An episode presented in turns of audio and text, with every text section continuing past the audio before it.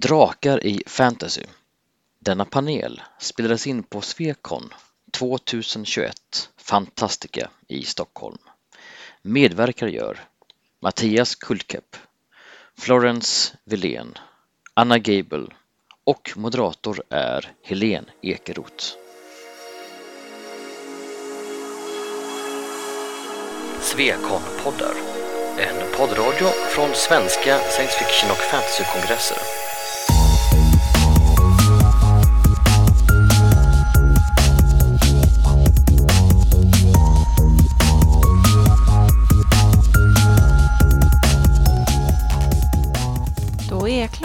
11 och eh, vi sätter igång här helt enkelt. Ehm, den här panelen ska ju göra en djupdykning i, eh, i drakar, drakar i fantasy. Ehm, och eh, det är ju alltid ett spännande ämne. Jag tänker att drakar är någonting som vi inte tröttnar på. Eller i varje fall så är vi många som aldrig tröttnar på drakar. Ehm, så jag hoppas att det ska bli en trevlig stund här med oss idag. Eh, drakar har ju funnits väldigt länge, både inom mytologin och i folksagor och på andra sätt. Och, det är, och också väldigt spritt över hela världen. Det är väl det som gör dem också så fascinerande. Um, och de känns fortfarande lika aktuella. Eller gör de det? Vi ska återkomma till det lite senare, eh, vad draken står idag inom fantasy. Eh, men först tänkte jag att panelen ska få lov att presentera sig. Um, och också, om man vill, redan nu nämna en favoritrake. Bara som en liten ingång i ämnet. Så varsågod, ska vi börja med dig, Anna? Okej. Hörs jag? Um, jag blev lite hastigt och lustigt um, inhoppad i den här panelen. Uh, så att det står ju fel på namnskyltarna och sådär. Men uh, jag är Anna Gable. Eh, har skrivit en del och jobbar mycket som lektör. Och framförallt med, med fantasy och SF. Eh, ja, det är väl korta drag. Eh, favoritdrake, det måste bli Smaug. För att min väg in i fantasyn var att jag hörde på sommarlovsföljetongen, så gammal är jag. Och eh, jag hade varit borta tidigare på sommarlovet så när jag kommer in i den här då står det en skraj hob och ett antal skraja dvärgar bakom en stendörr. Och någonstans nere i det här berget så finns det en drake och det här är ju vansinnigt spännande. Jag ramlar rakt in i värsta actionen i Bilbo. Så därför blir det Smaug för mig. Då fortsätter jag. Ehm, och, eh, eh, jag heter då Mattias Kullkepp och eh, jag sitter här väl dels i egenskap av att jag älskar fantasy men kanske mera som att jag också är författare till ett antal böcker. Två stycken serier. Den ena serien heter Den ofrivillige hjältens handbok. Två fristående delar. Och den är mer humoristisk, jag ska vara med i en panel imorgon om det. Den andra Eh, serien heter Sönderfallssymfoni eh, och den ska ha lite högläsning under eh, eh senare ikväll på. Eh, och eh, i bägge de här världarna så förekommer drakar och jag gissar att det är därför jag blev inbjuden. Dock mer perifert. Det är inte ett bärande tema som kanske som det andra då, utan min favoritdrake. Sluta babbla här. Ja, jag, alltså- jag grubblade länge över det här. Jag, jag, jag älskar drakar. Jag måste säga. Det, det, var inte ett riktigt lätt val. Eh, det finns så mycket man kan fascineras av. Eh, I slutändan så blev det nog ändå då eh, Falkor från Oändliga historien, Lyckodraken. Ehm, som, och varför just där, jag vet inte. Nog kanske för att den den högg mig i hjärtat i rätt ålder kanske. Jag tror att jag såg mycket likheter i mig själv och, och, och eh, den här pojken Bastian som liksom eh, förlorade sig i en främmande värld. Eh, så att det var, och, och, och, kanske det också att det var en av de första gångerna jag mötte en icke elak drake utan liksom en, en, en vänlig drake. Det var ju någonting nytt. Mm. Jag heter Florence Villén. Jag har sysslat med drakar lite av och till under hel, nästan hela mitt liv. Jag är intresserad av historia och litteraturhistoria och drakarnas rötter bakåt, både i eh, den antika världen och eh, i, förstås i den medeltida. Men inte minst i Kina och den berättelse jag har skrivit på engelska om drakar, Dragons Progress, handlar just om kontakten mellan med, det medeltida Europa och det, det, det dåtida Kina.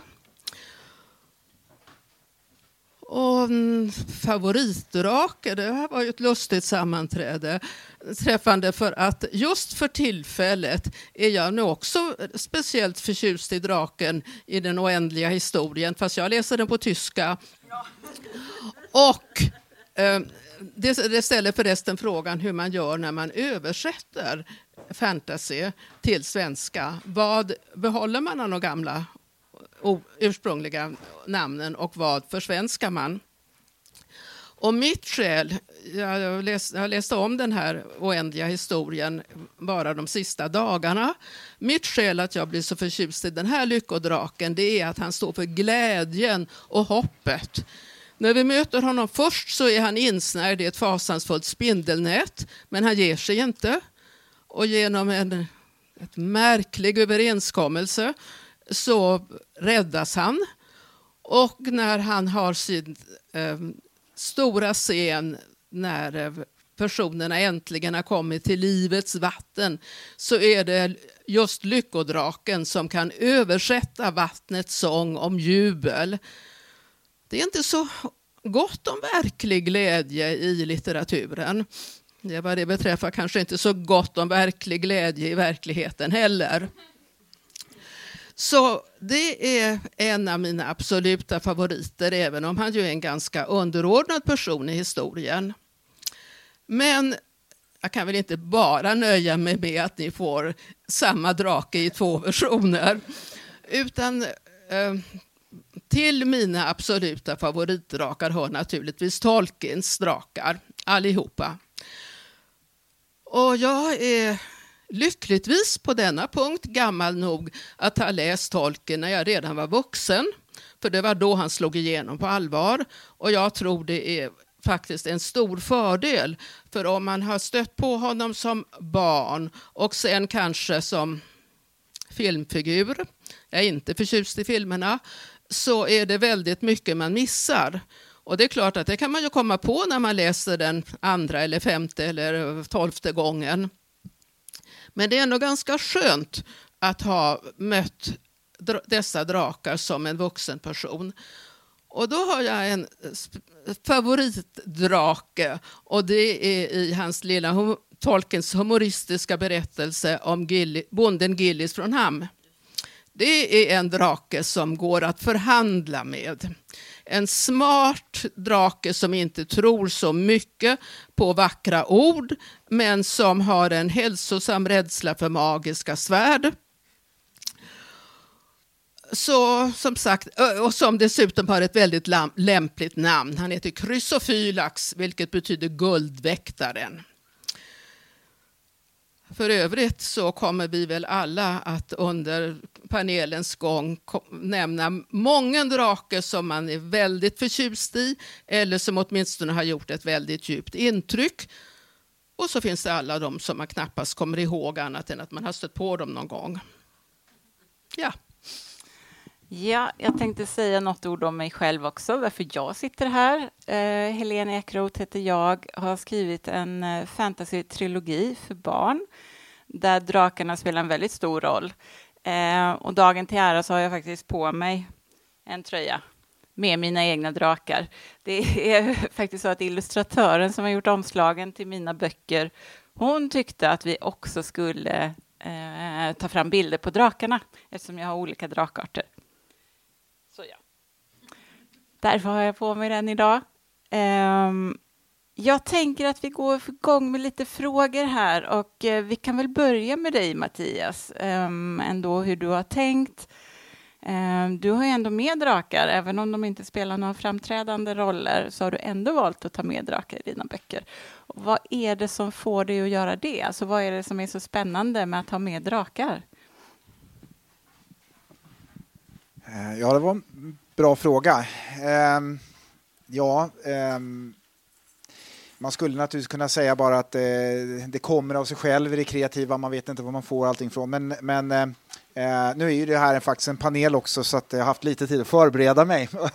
och eh, jag skulle vilja säga att eh, sånt som fascinerar, jag tror att man kommer inte ifrån att drakarnas Alltså att de är så mäktiga, eh, det, det tror jag är, är, centralt. Även om det finns exempel på drakar, som jag älskar också, som, som är absolut inte mäktiga. Jag kan nämna Gleep från Robert Asprins serie, som jag var förtjust i som yngre. Um, Terry Pratchett har alltså, menlösa drakar också. Så det, det, det, uh, så det finns andra, men de flesta drakar är väldigt mäktiga och en knutta oförutsägbara. Uh, det är även där det kommer många olika varianter, men, uh, men många drakar har det draget, de kan vara listiga och man vet inte riktigt var man har dem. Um, och jag grubblade lite om det eh, på sätt och vis även finns eh, vissa likheter med liksom, eh, eh, egentligen natur, rena naturkrafter som är också oerhört mäktiga, nyckfulla, man vet inte riktigt var man har dem, de kan vara oerhört destruktiva. Um, jag reflekterade också över om det liksom talar djupt till um, vår, tilltro till högre väsen. Alltså det, att det är lite samma eh, strömningar, samma del i oss som människor som fascineras för, för att vi, vi kanske vill att det ska finnas någonting som är oändligt mycket mäktigare. Eh, och om det i själva verket, eh, nu är jag hobbypsykolog här, Eh, om det till och med kan ha sina rötter i liksom hur vi som barn betraktar föräldrarna som de här otroligt mäktiga väsena som, som, som, kan, som kan allting och så säga då, som, men som möjligtvis också är smala. Man, man begriper inte världen så att de, de gör lite eh, saker som man kanske inte helt begriper varför. Eh, då. Det var i alla fall eh, varför är vi som människor och eh, jag tror i alla fall att det är därför jag är intresserad. Det är den här de är nyckfulla, man vet inte vad man har dem oerhört mäktiga ofta.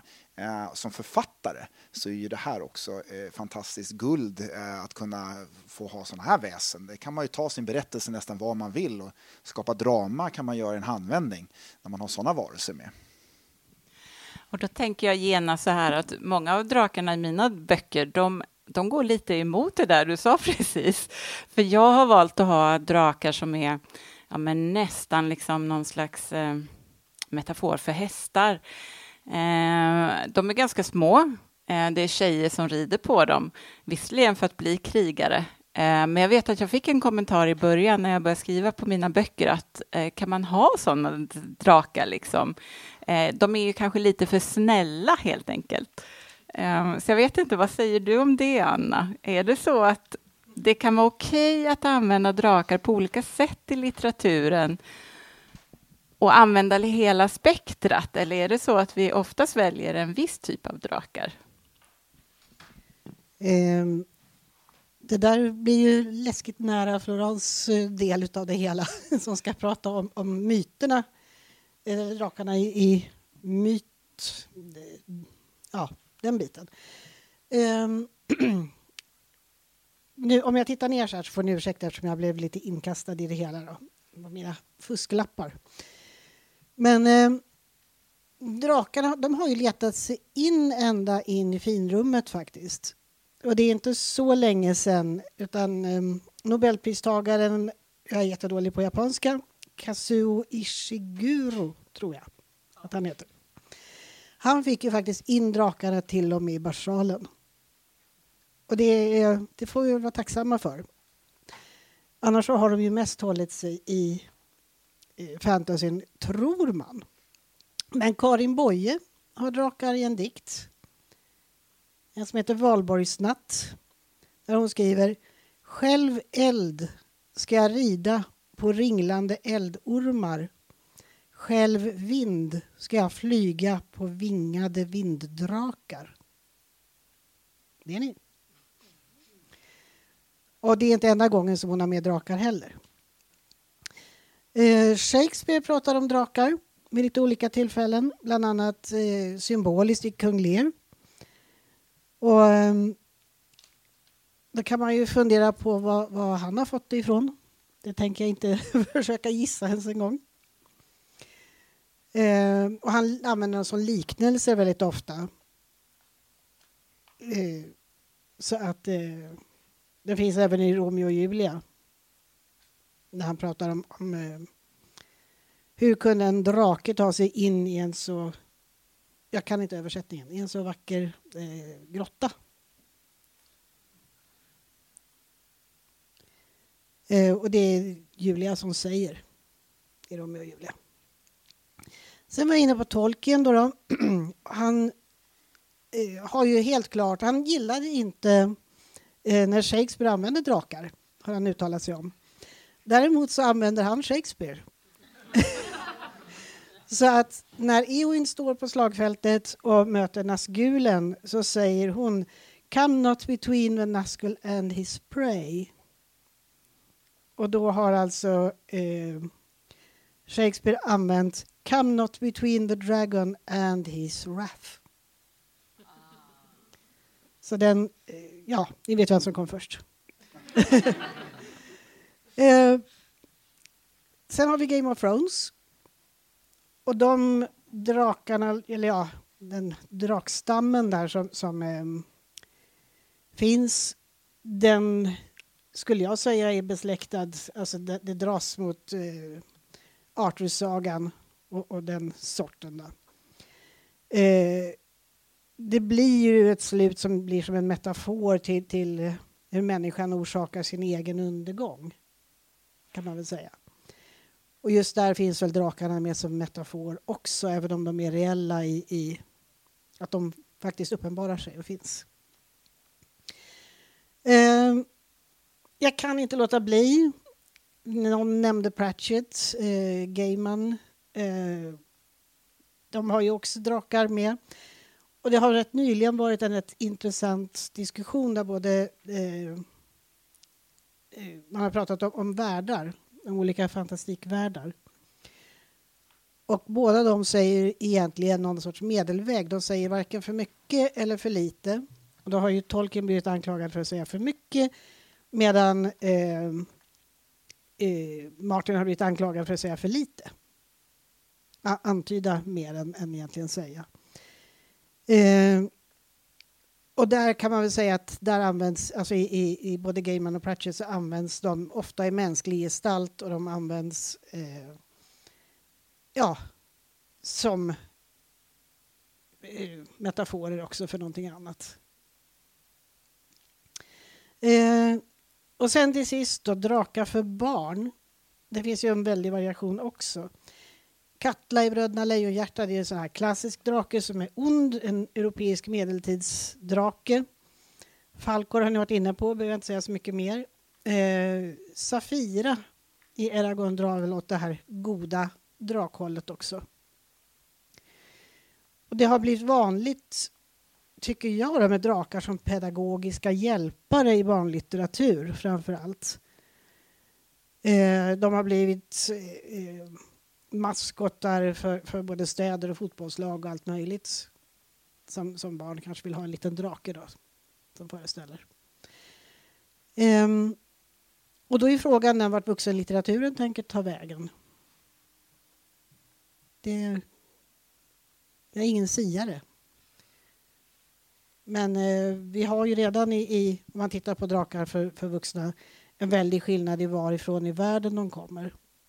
Där tänker jag att det kanske är Florens del i det hela som kommer in. Precis. Ville du sticka in med någonting där jo, innan vi... Nej, jag tänkte på det, min syn på din fråga där, du, dina drakar är väldigt annorlunda och så vidare och om det sticker i ögonen. Jag måste säga att min, min, egen, så, min egen bild i alla fall som författare är att eh, det, det, det, är naturligt, man måste kunna få förnya saker. Eh, sen kan inte, alltså alla försök är ju naturligtvis inte framgångsrika, det är ju upp till läsarna i slutändan att bedöma om, om, om det man har skapat är någonting som har värde eller inte. Men, men eh, jag tycker det är fullständigt naturligt att kunna pröva sånt och eh, våga påstå att du är långt ifrån den enda att pröva att så att säga ge din egen variant där av drakarna. Jag tycker att det finns en stor ändå flora, både med små skillnader förstås, eh, med, och ibland så är det en fördel, då kan man rida på likheterna, alla vet vad en drake är. Eh, men eh, jag tänker på till exempel Robin Hobbs eh, drakar från Live Trader-serien som, som var för mig i alla fall första gången som jag läste den nu väldigt överraskande liksom då hur, hennes kopplingar där och så vidare. Så att, att, att man ska få ta ut svängarna tycker jag annars stelnar, stelnar fantastiken. Precis, så vi kan väl gå vidare till dig då Florence för att just ta upp den tråden um, om man tittar tillbaka historiskt hur ja. draken egentligen har kanske utvecklats. Ja, som redan har sagts här, drakar är väldigt olika i olika kulturer. Så jag tror att man ska börja, eller kan börja med att definiera hur man tänker sig en drake. Och jag börjar språkligt. Jag börjar med de antika grekiska drakarna. Och då börjar jag med en etymologi. Det påstås, det verkar faktiskt relativt överraskande, det är inte allt etymologier gör, att det grekiska drako, som sen romarna lånade, eh, kommer från en verbstam som betyder att se med vassa ögon. Och de grekiska drakarna de är osympatiska. De är jättelika ormar. De ringlar. De kan någon gång masa sig upp i luften men det är inte det element där de är hemma. De eh, sprutar gift och eh, sjukdomsalstrande andedräkt överhuvudtaget. Ibland också eld. Och eh, de har också ett drag som jag in, faktiskt inte vet om någon i fantasy har gjort någonting av. Nämligen att draktänder har en väldigt speciell egenskap. Det råkar Kadmos ut för. Han dödar en våldsam drake och sen får han i uppdrag att eh, så drakens tänder i jorden och då växer det upp krigare, Eh, karar med full rustning. Och så börjar de slåss sinsemellan. Och det är bara när några få av dessa från draktänder uppståndna, uppstigna krigare har slagit ihjäl varandra, alltså när det finns några få kvar, eh, som de kan eh, bli lite mer fredliga och hjälper Kadmos att grunda hans nya stad. Och de här draktänderna kommer igen i ett äventyr när eh, eh, Jason är ute efter det gyllene skinnet. Det är en riktigt stor och eh, lite romantisk äventyrsberättelse som är bevarad. Finns i riktigt bra svensk översättning av det antika eposet. Och där ska alltså hjälten Jason eh, dels tvinga eldsprutande tjurar att plöja ett fält och sen ska han såg draktänder som påstås komma från den här draken som Kadmos hade att göra med. Och så blir det eh, likt, eh, ungefär samma sak, det vill säga det växer upp beväpnade män och de börjar slåss mot varandra. Tanken är väl egentligen att jag som stackaren ska behöva slåss mot dem också. Men eh, de är fullt villiga att slå ihjäl varandra alldeles utan någon hjälp utifrån. Så de här drakarna, det finns några till också som är relativt viktiga. De är farliga, håller hemma helst i vildmarken men de är alltså inte i, fly, i första hand flygare och de är inte i första hand eldsprutare. Man ska akta sig för dem. Det är bara de stora hjältarna som är tvungna att ta itu med dem. Så egentligen får man väl säga att antikens drakar är inte lika attraktiva, spännande och allmänt upphetsande. Sen kommer vi till medeltiden och mellan antikens slut och den skrivande medeltiden så är det flera århundraden. Jag tänker absolut inte komma med några sammanfattningar om det där för då får jag alla historiker emot mig. Det är en period som man vet så lite om att eh, man kan tolka på väldigt många olika sätt. Men där kommer två viktiga drakar in. Och den ena draken har ni kanske alla sett avbildad i ett av medeltidens absolut viktigaste konstverk. Storkyrkan, Sankt Göran och draken. Jättebra. Tyvärr är den ganska dåligt belyst. Den cyniska besökaren kan möjligtvis smuggla med sig en ficklampa för att se lite bättre. Men det är alltså eh, Ehm, ett ehm, synligt uttryck för hur berättelsen om Sankt Göran eh, kunde inspirera de allra viktigaste konstnärerna under medeltiden. Vem som har gjort den vet man inte. Det är samma historia som så ofta när det gäller anonyma ehm, konstnärer. Först säger någon det skulle kunna vara ett verk av och så kommer man med ett namn, i det här fallet Bernotke. För vi vet att det fanns en sådan som var ansvarig för ett betydande konstverk någon helt annanstans i Norden.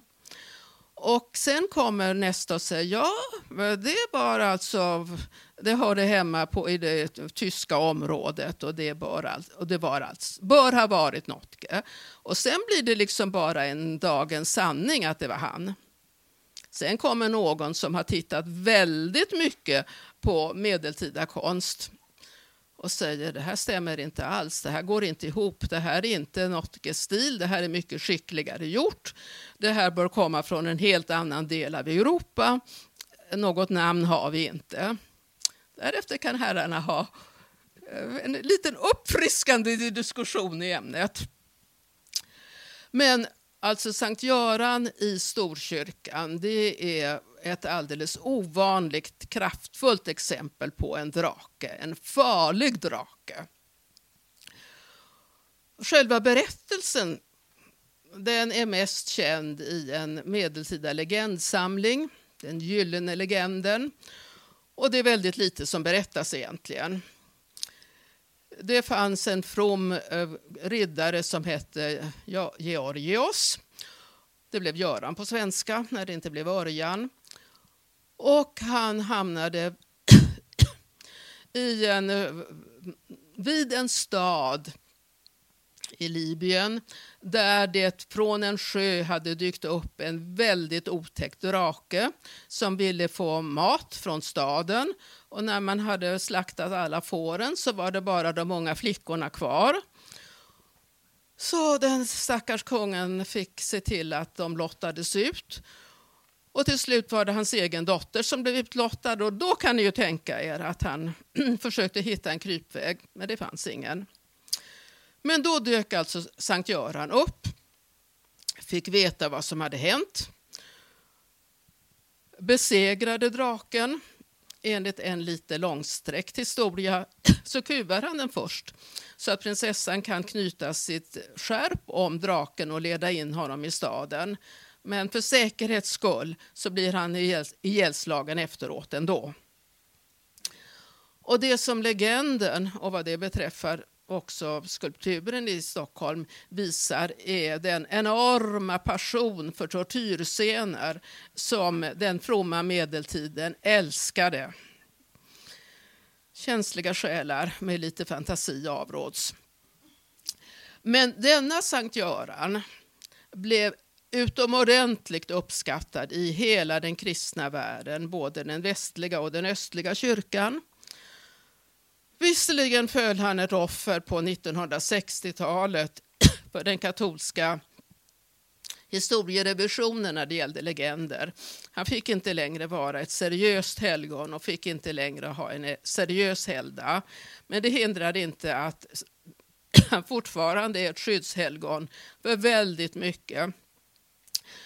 Från Storbritannien till scouterna och eh, Sankt Görans drake eh, det är så att säga prototypen för den elaka men besegrade västerländska draken. Sen, eller rättare sagt tidigare, kommer den nordiska draken. Och nu tänker jag bli ganska kortfattad. Eh, men jag vill bara... Eh, den nordiska, i det här fallet den anglosaxiska litteraturens viktigaste bevarade verk heter Beowulf. Och där förekommer det i slutet en drake som eh, kung Beowulf besegrar, men han blir själv dödad av den.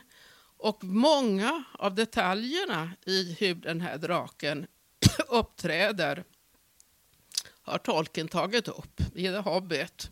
Så Smaug är en eh, avläggare av denna anglosaxiska drake. Och det är som vi förstår inte någon slump alls. Men vi har alltså då en standarddrake, eldsprutande, flygande, elak, farlig.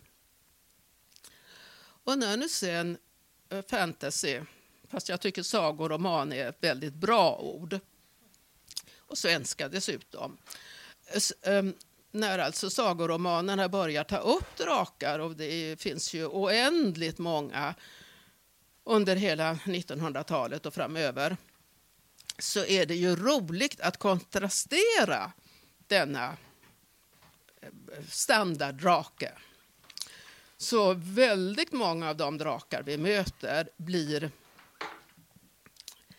mäktiga, ibland välvilliga, kraftfulla och inte alls lika intresserade av att eh, samla eh, dra, samla rikedomar från övergivna gravar, alternativt äta upp unga flickor. Så den moderna västerländska draken, sagoromanernas drake, har hur många Eh, varianter som helst skulle jag säga. Tänk bara på Ursula Le Guin och hennes drakar som jag hör till de märkligare drakarna. Och de eh, eh har hon ju själv dessutom gett väldigt mycket nya drag i de senaste delarna av berättelsen om Earthsea, övärlden. Men det jag personligen blev mest road av det var något helt annat. Det var när jag läste religionshistoria på universitetet och kom i kontakt med den kinesiska drakvärlden. Och jag tyckte det var så spännande att här hade vi en värld där drakarna förbinds inte med eld utan med vatten. Där de är livsnödvändiga, för utan regn blir det inget liv. Där de blir symboler för kejsardömet och landet. Där de eh, delas upp i massor av olika grupper och det finns väldigt fantasifulla beskrivningar på deras utseende. Men jag menar, gå och titta på närmaste hylla med, med kinesiska teer och sånt där. Eller var riktigt ambitiösa och gå på Östasiatiska museet. Drakar, drakar och återigen drakar.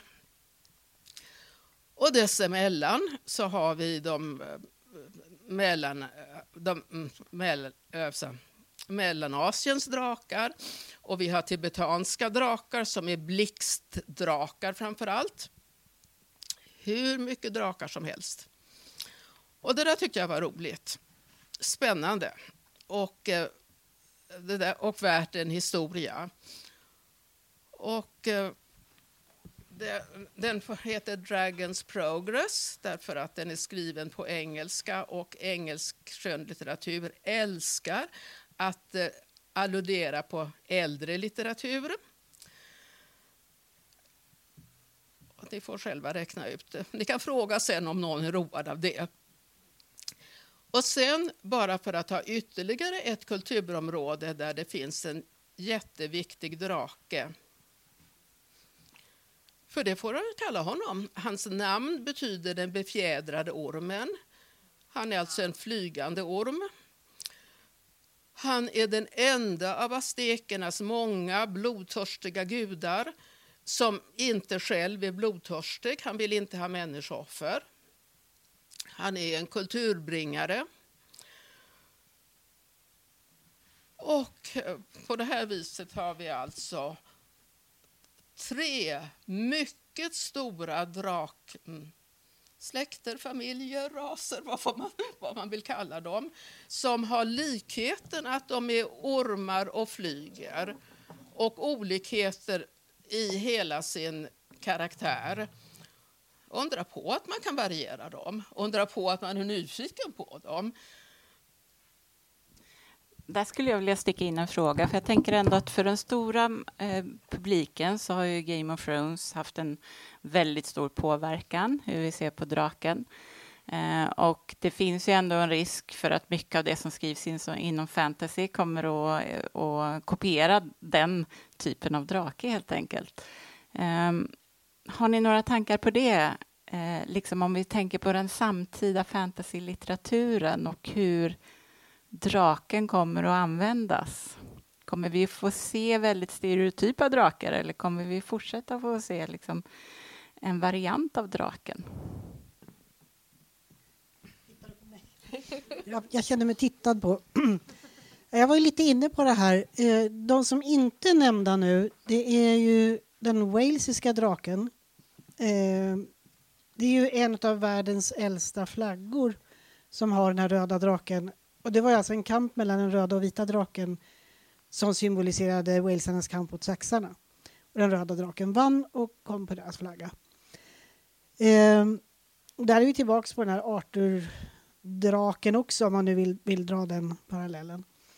Ehm, Gwyns drakar tycker jag då personligen är ganska kinesiska.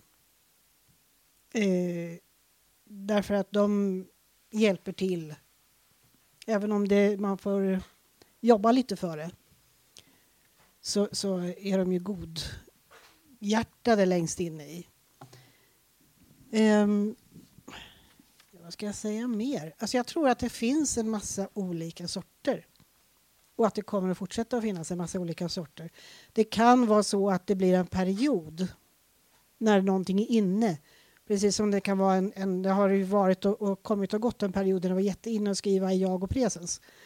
Eh, och det kan nog vara likadant med, med Game of Thrones-drakar. Men där tror jag att det kommer gå över faktiskt. Att vi får fortsätta ha en, en blandning. Jag släpper in dig också Mattias på en replik och sen tror jag att det är dags för publiken att få ställa frågor efter det.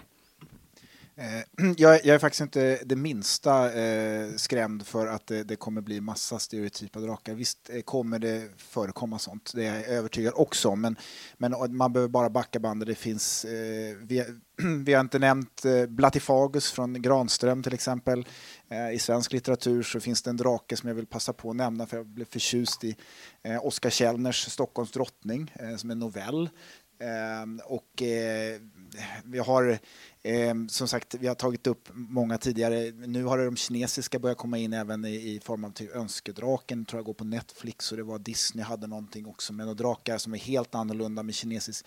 Jag tror att eh, visst eh, så är, är, det så att Game of Thrones eh, sätter en ton, men eh, det finns en, en enorm variation så jag, jag, jag ser med tillförsikt mot eh, spännande varianter framåt. Tack så mycket. Är det så att det är någon i publiken som har någon fråga? Ja. Ja. Objektiv variantkommentar, kanske ut mina frågor. Nej men eh, att jag, jag, tänker bara Game of Thrones drakar tycker jag är så spännande för att om man ser det som en kommentar till alltså det här, de kommer, drakmyten kommer från att draken äter tjejer och så ska män rädda dem. Så är det ju att Daenerys då som en till synes hjälplös hon är väl 14, 12, jag kommer inte ihåg.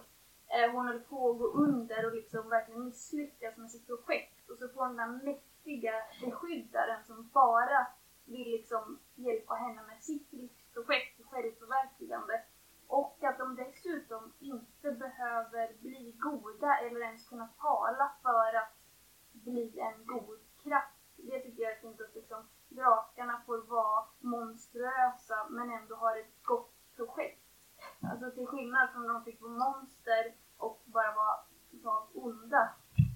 Så den här jättetråkiga slutfrågan. Tänker ni något om det? Eller liksom, tycker ni bara att Game of Thrones-drakarna är tråkiga och monstruösa, platta liksom?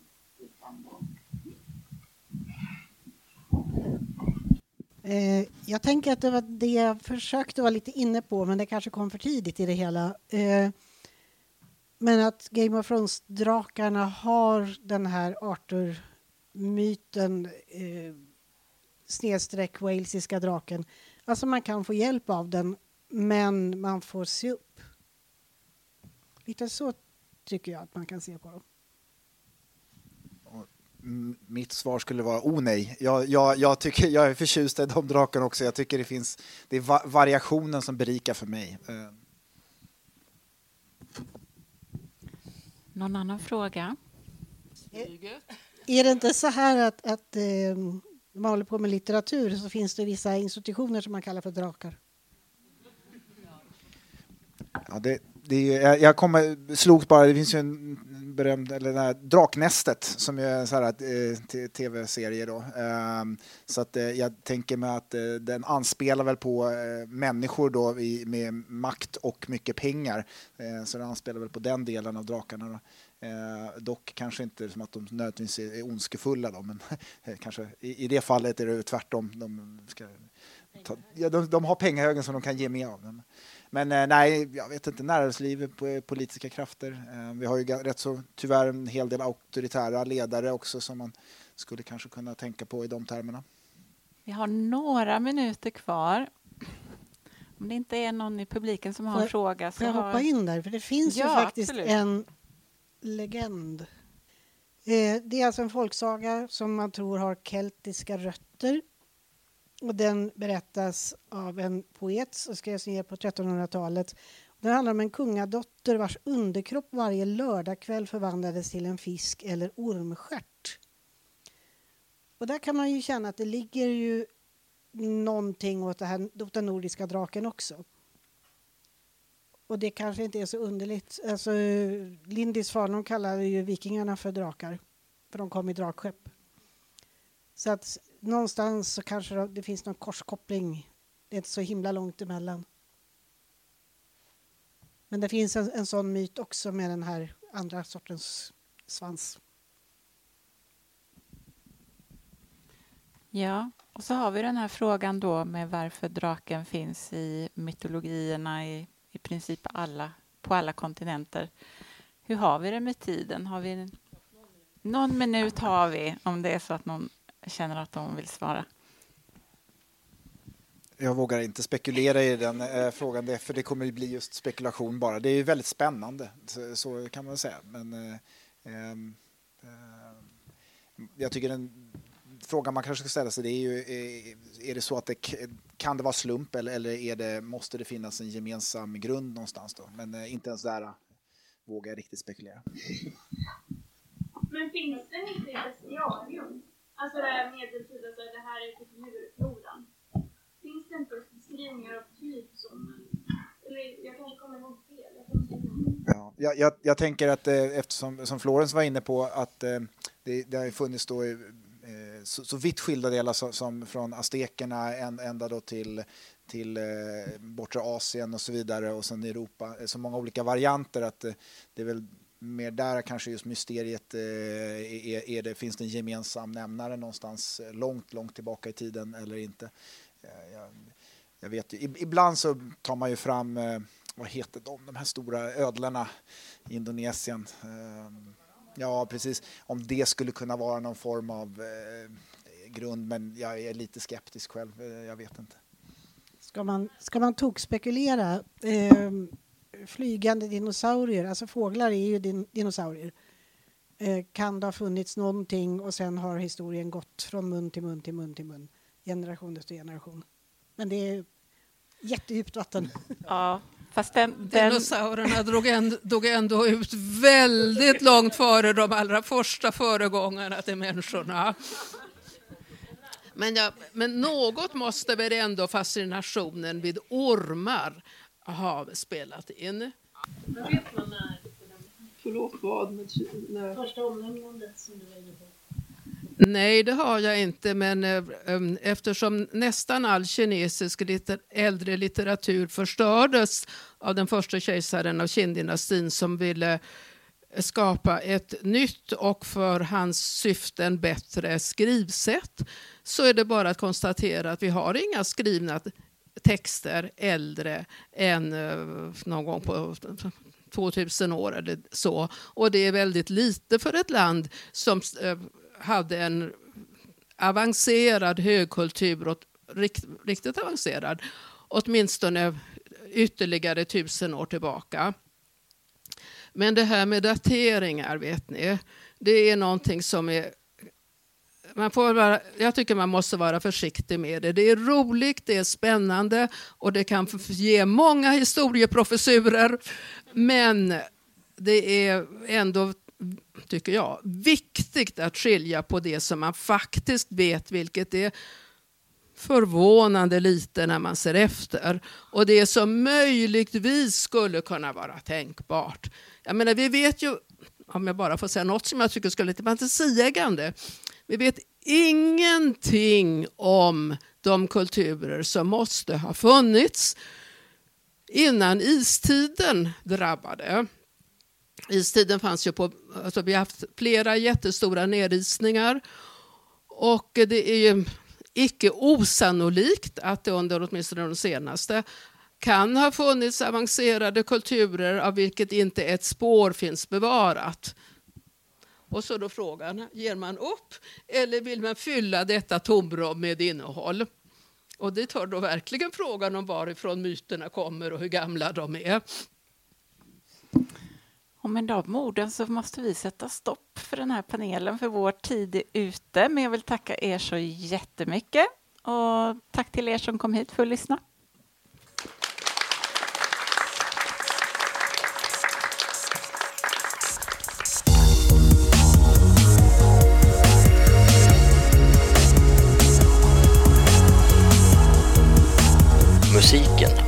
Psychedelic Pedestrian från Free Music Archive.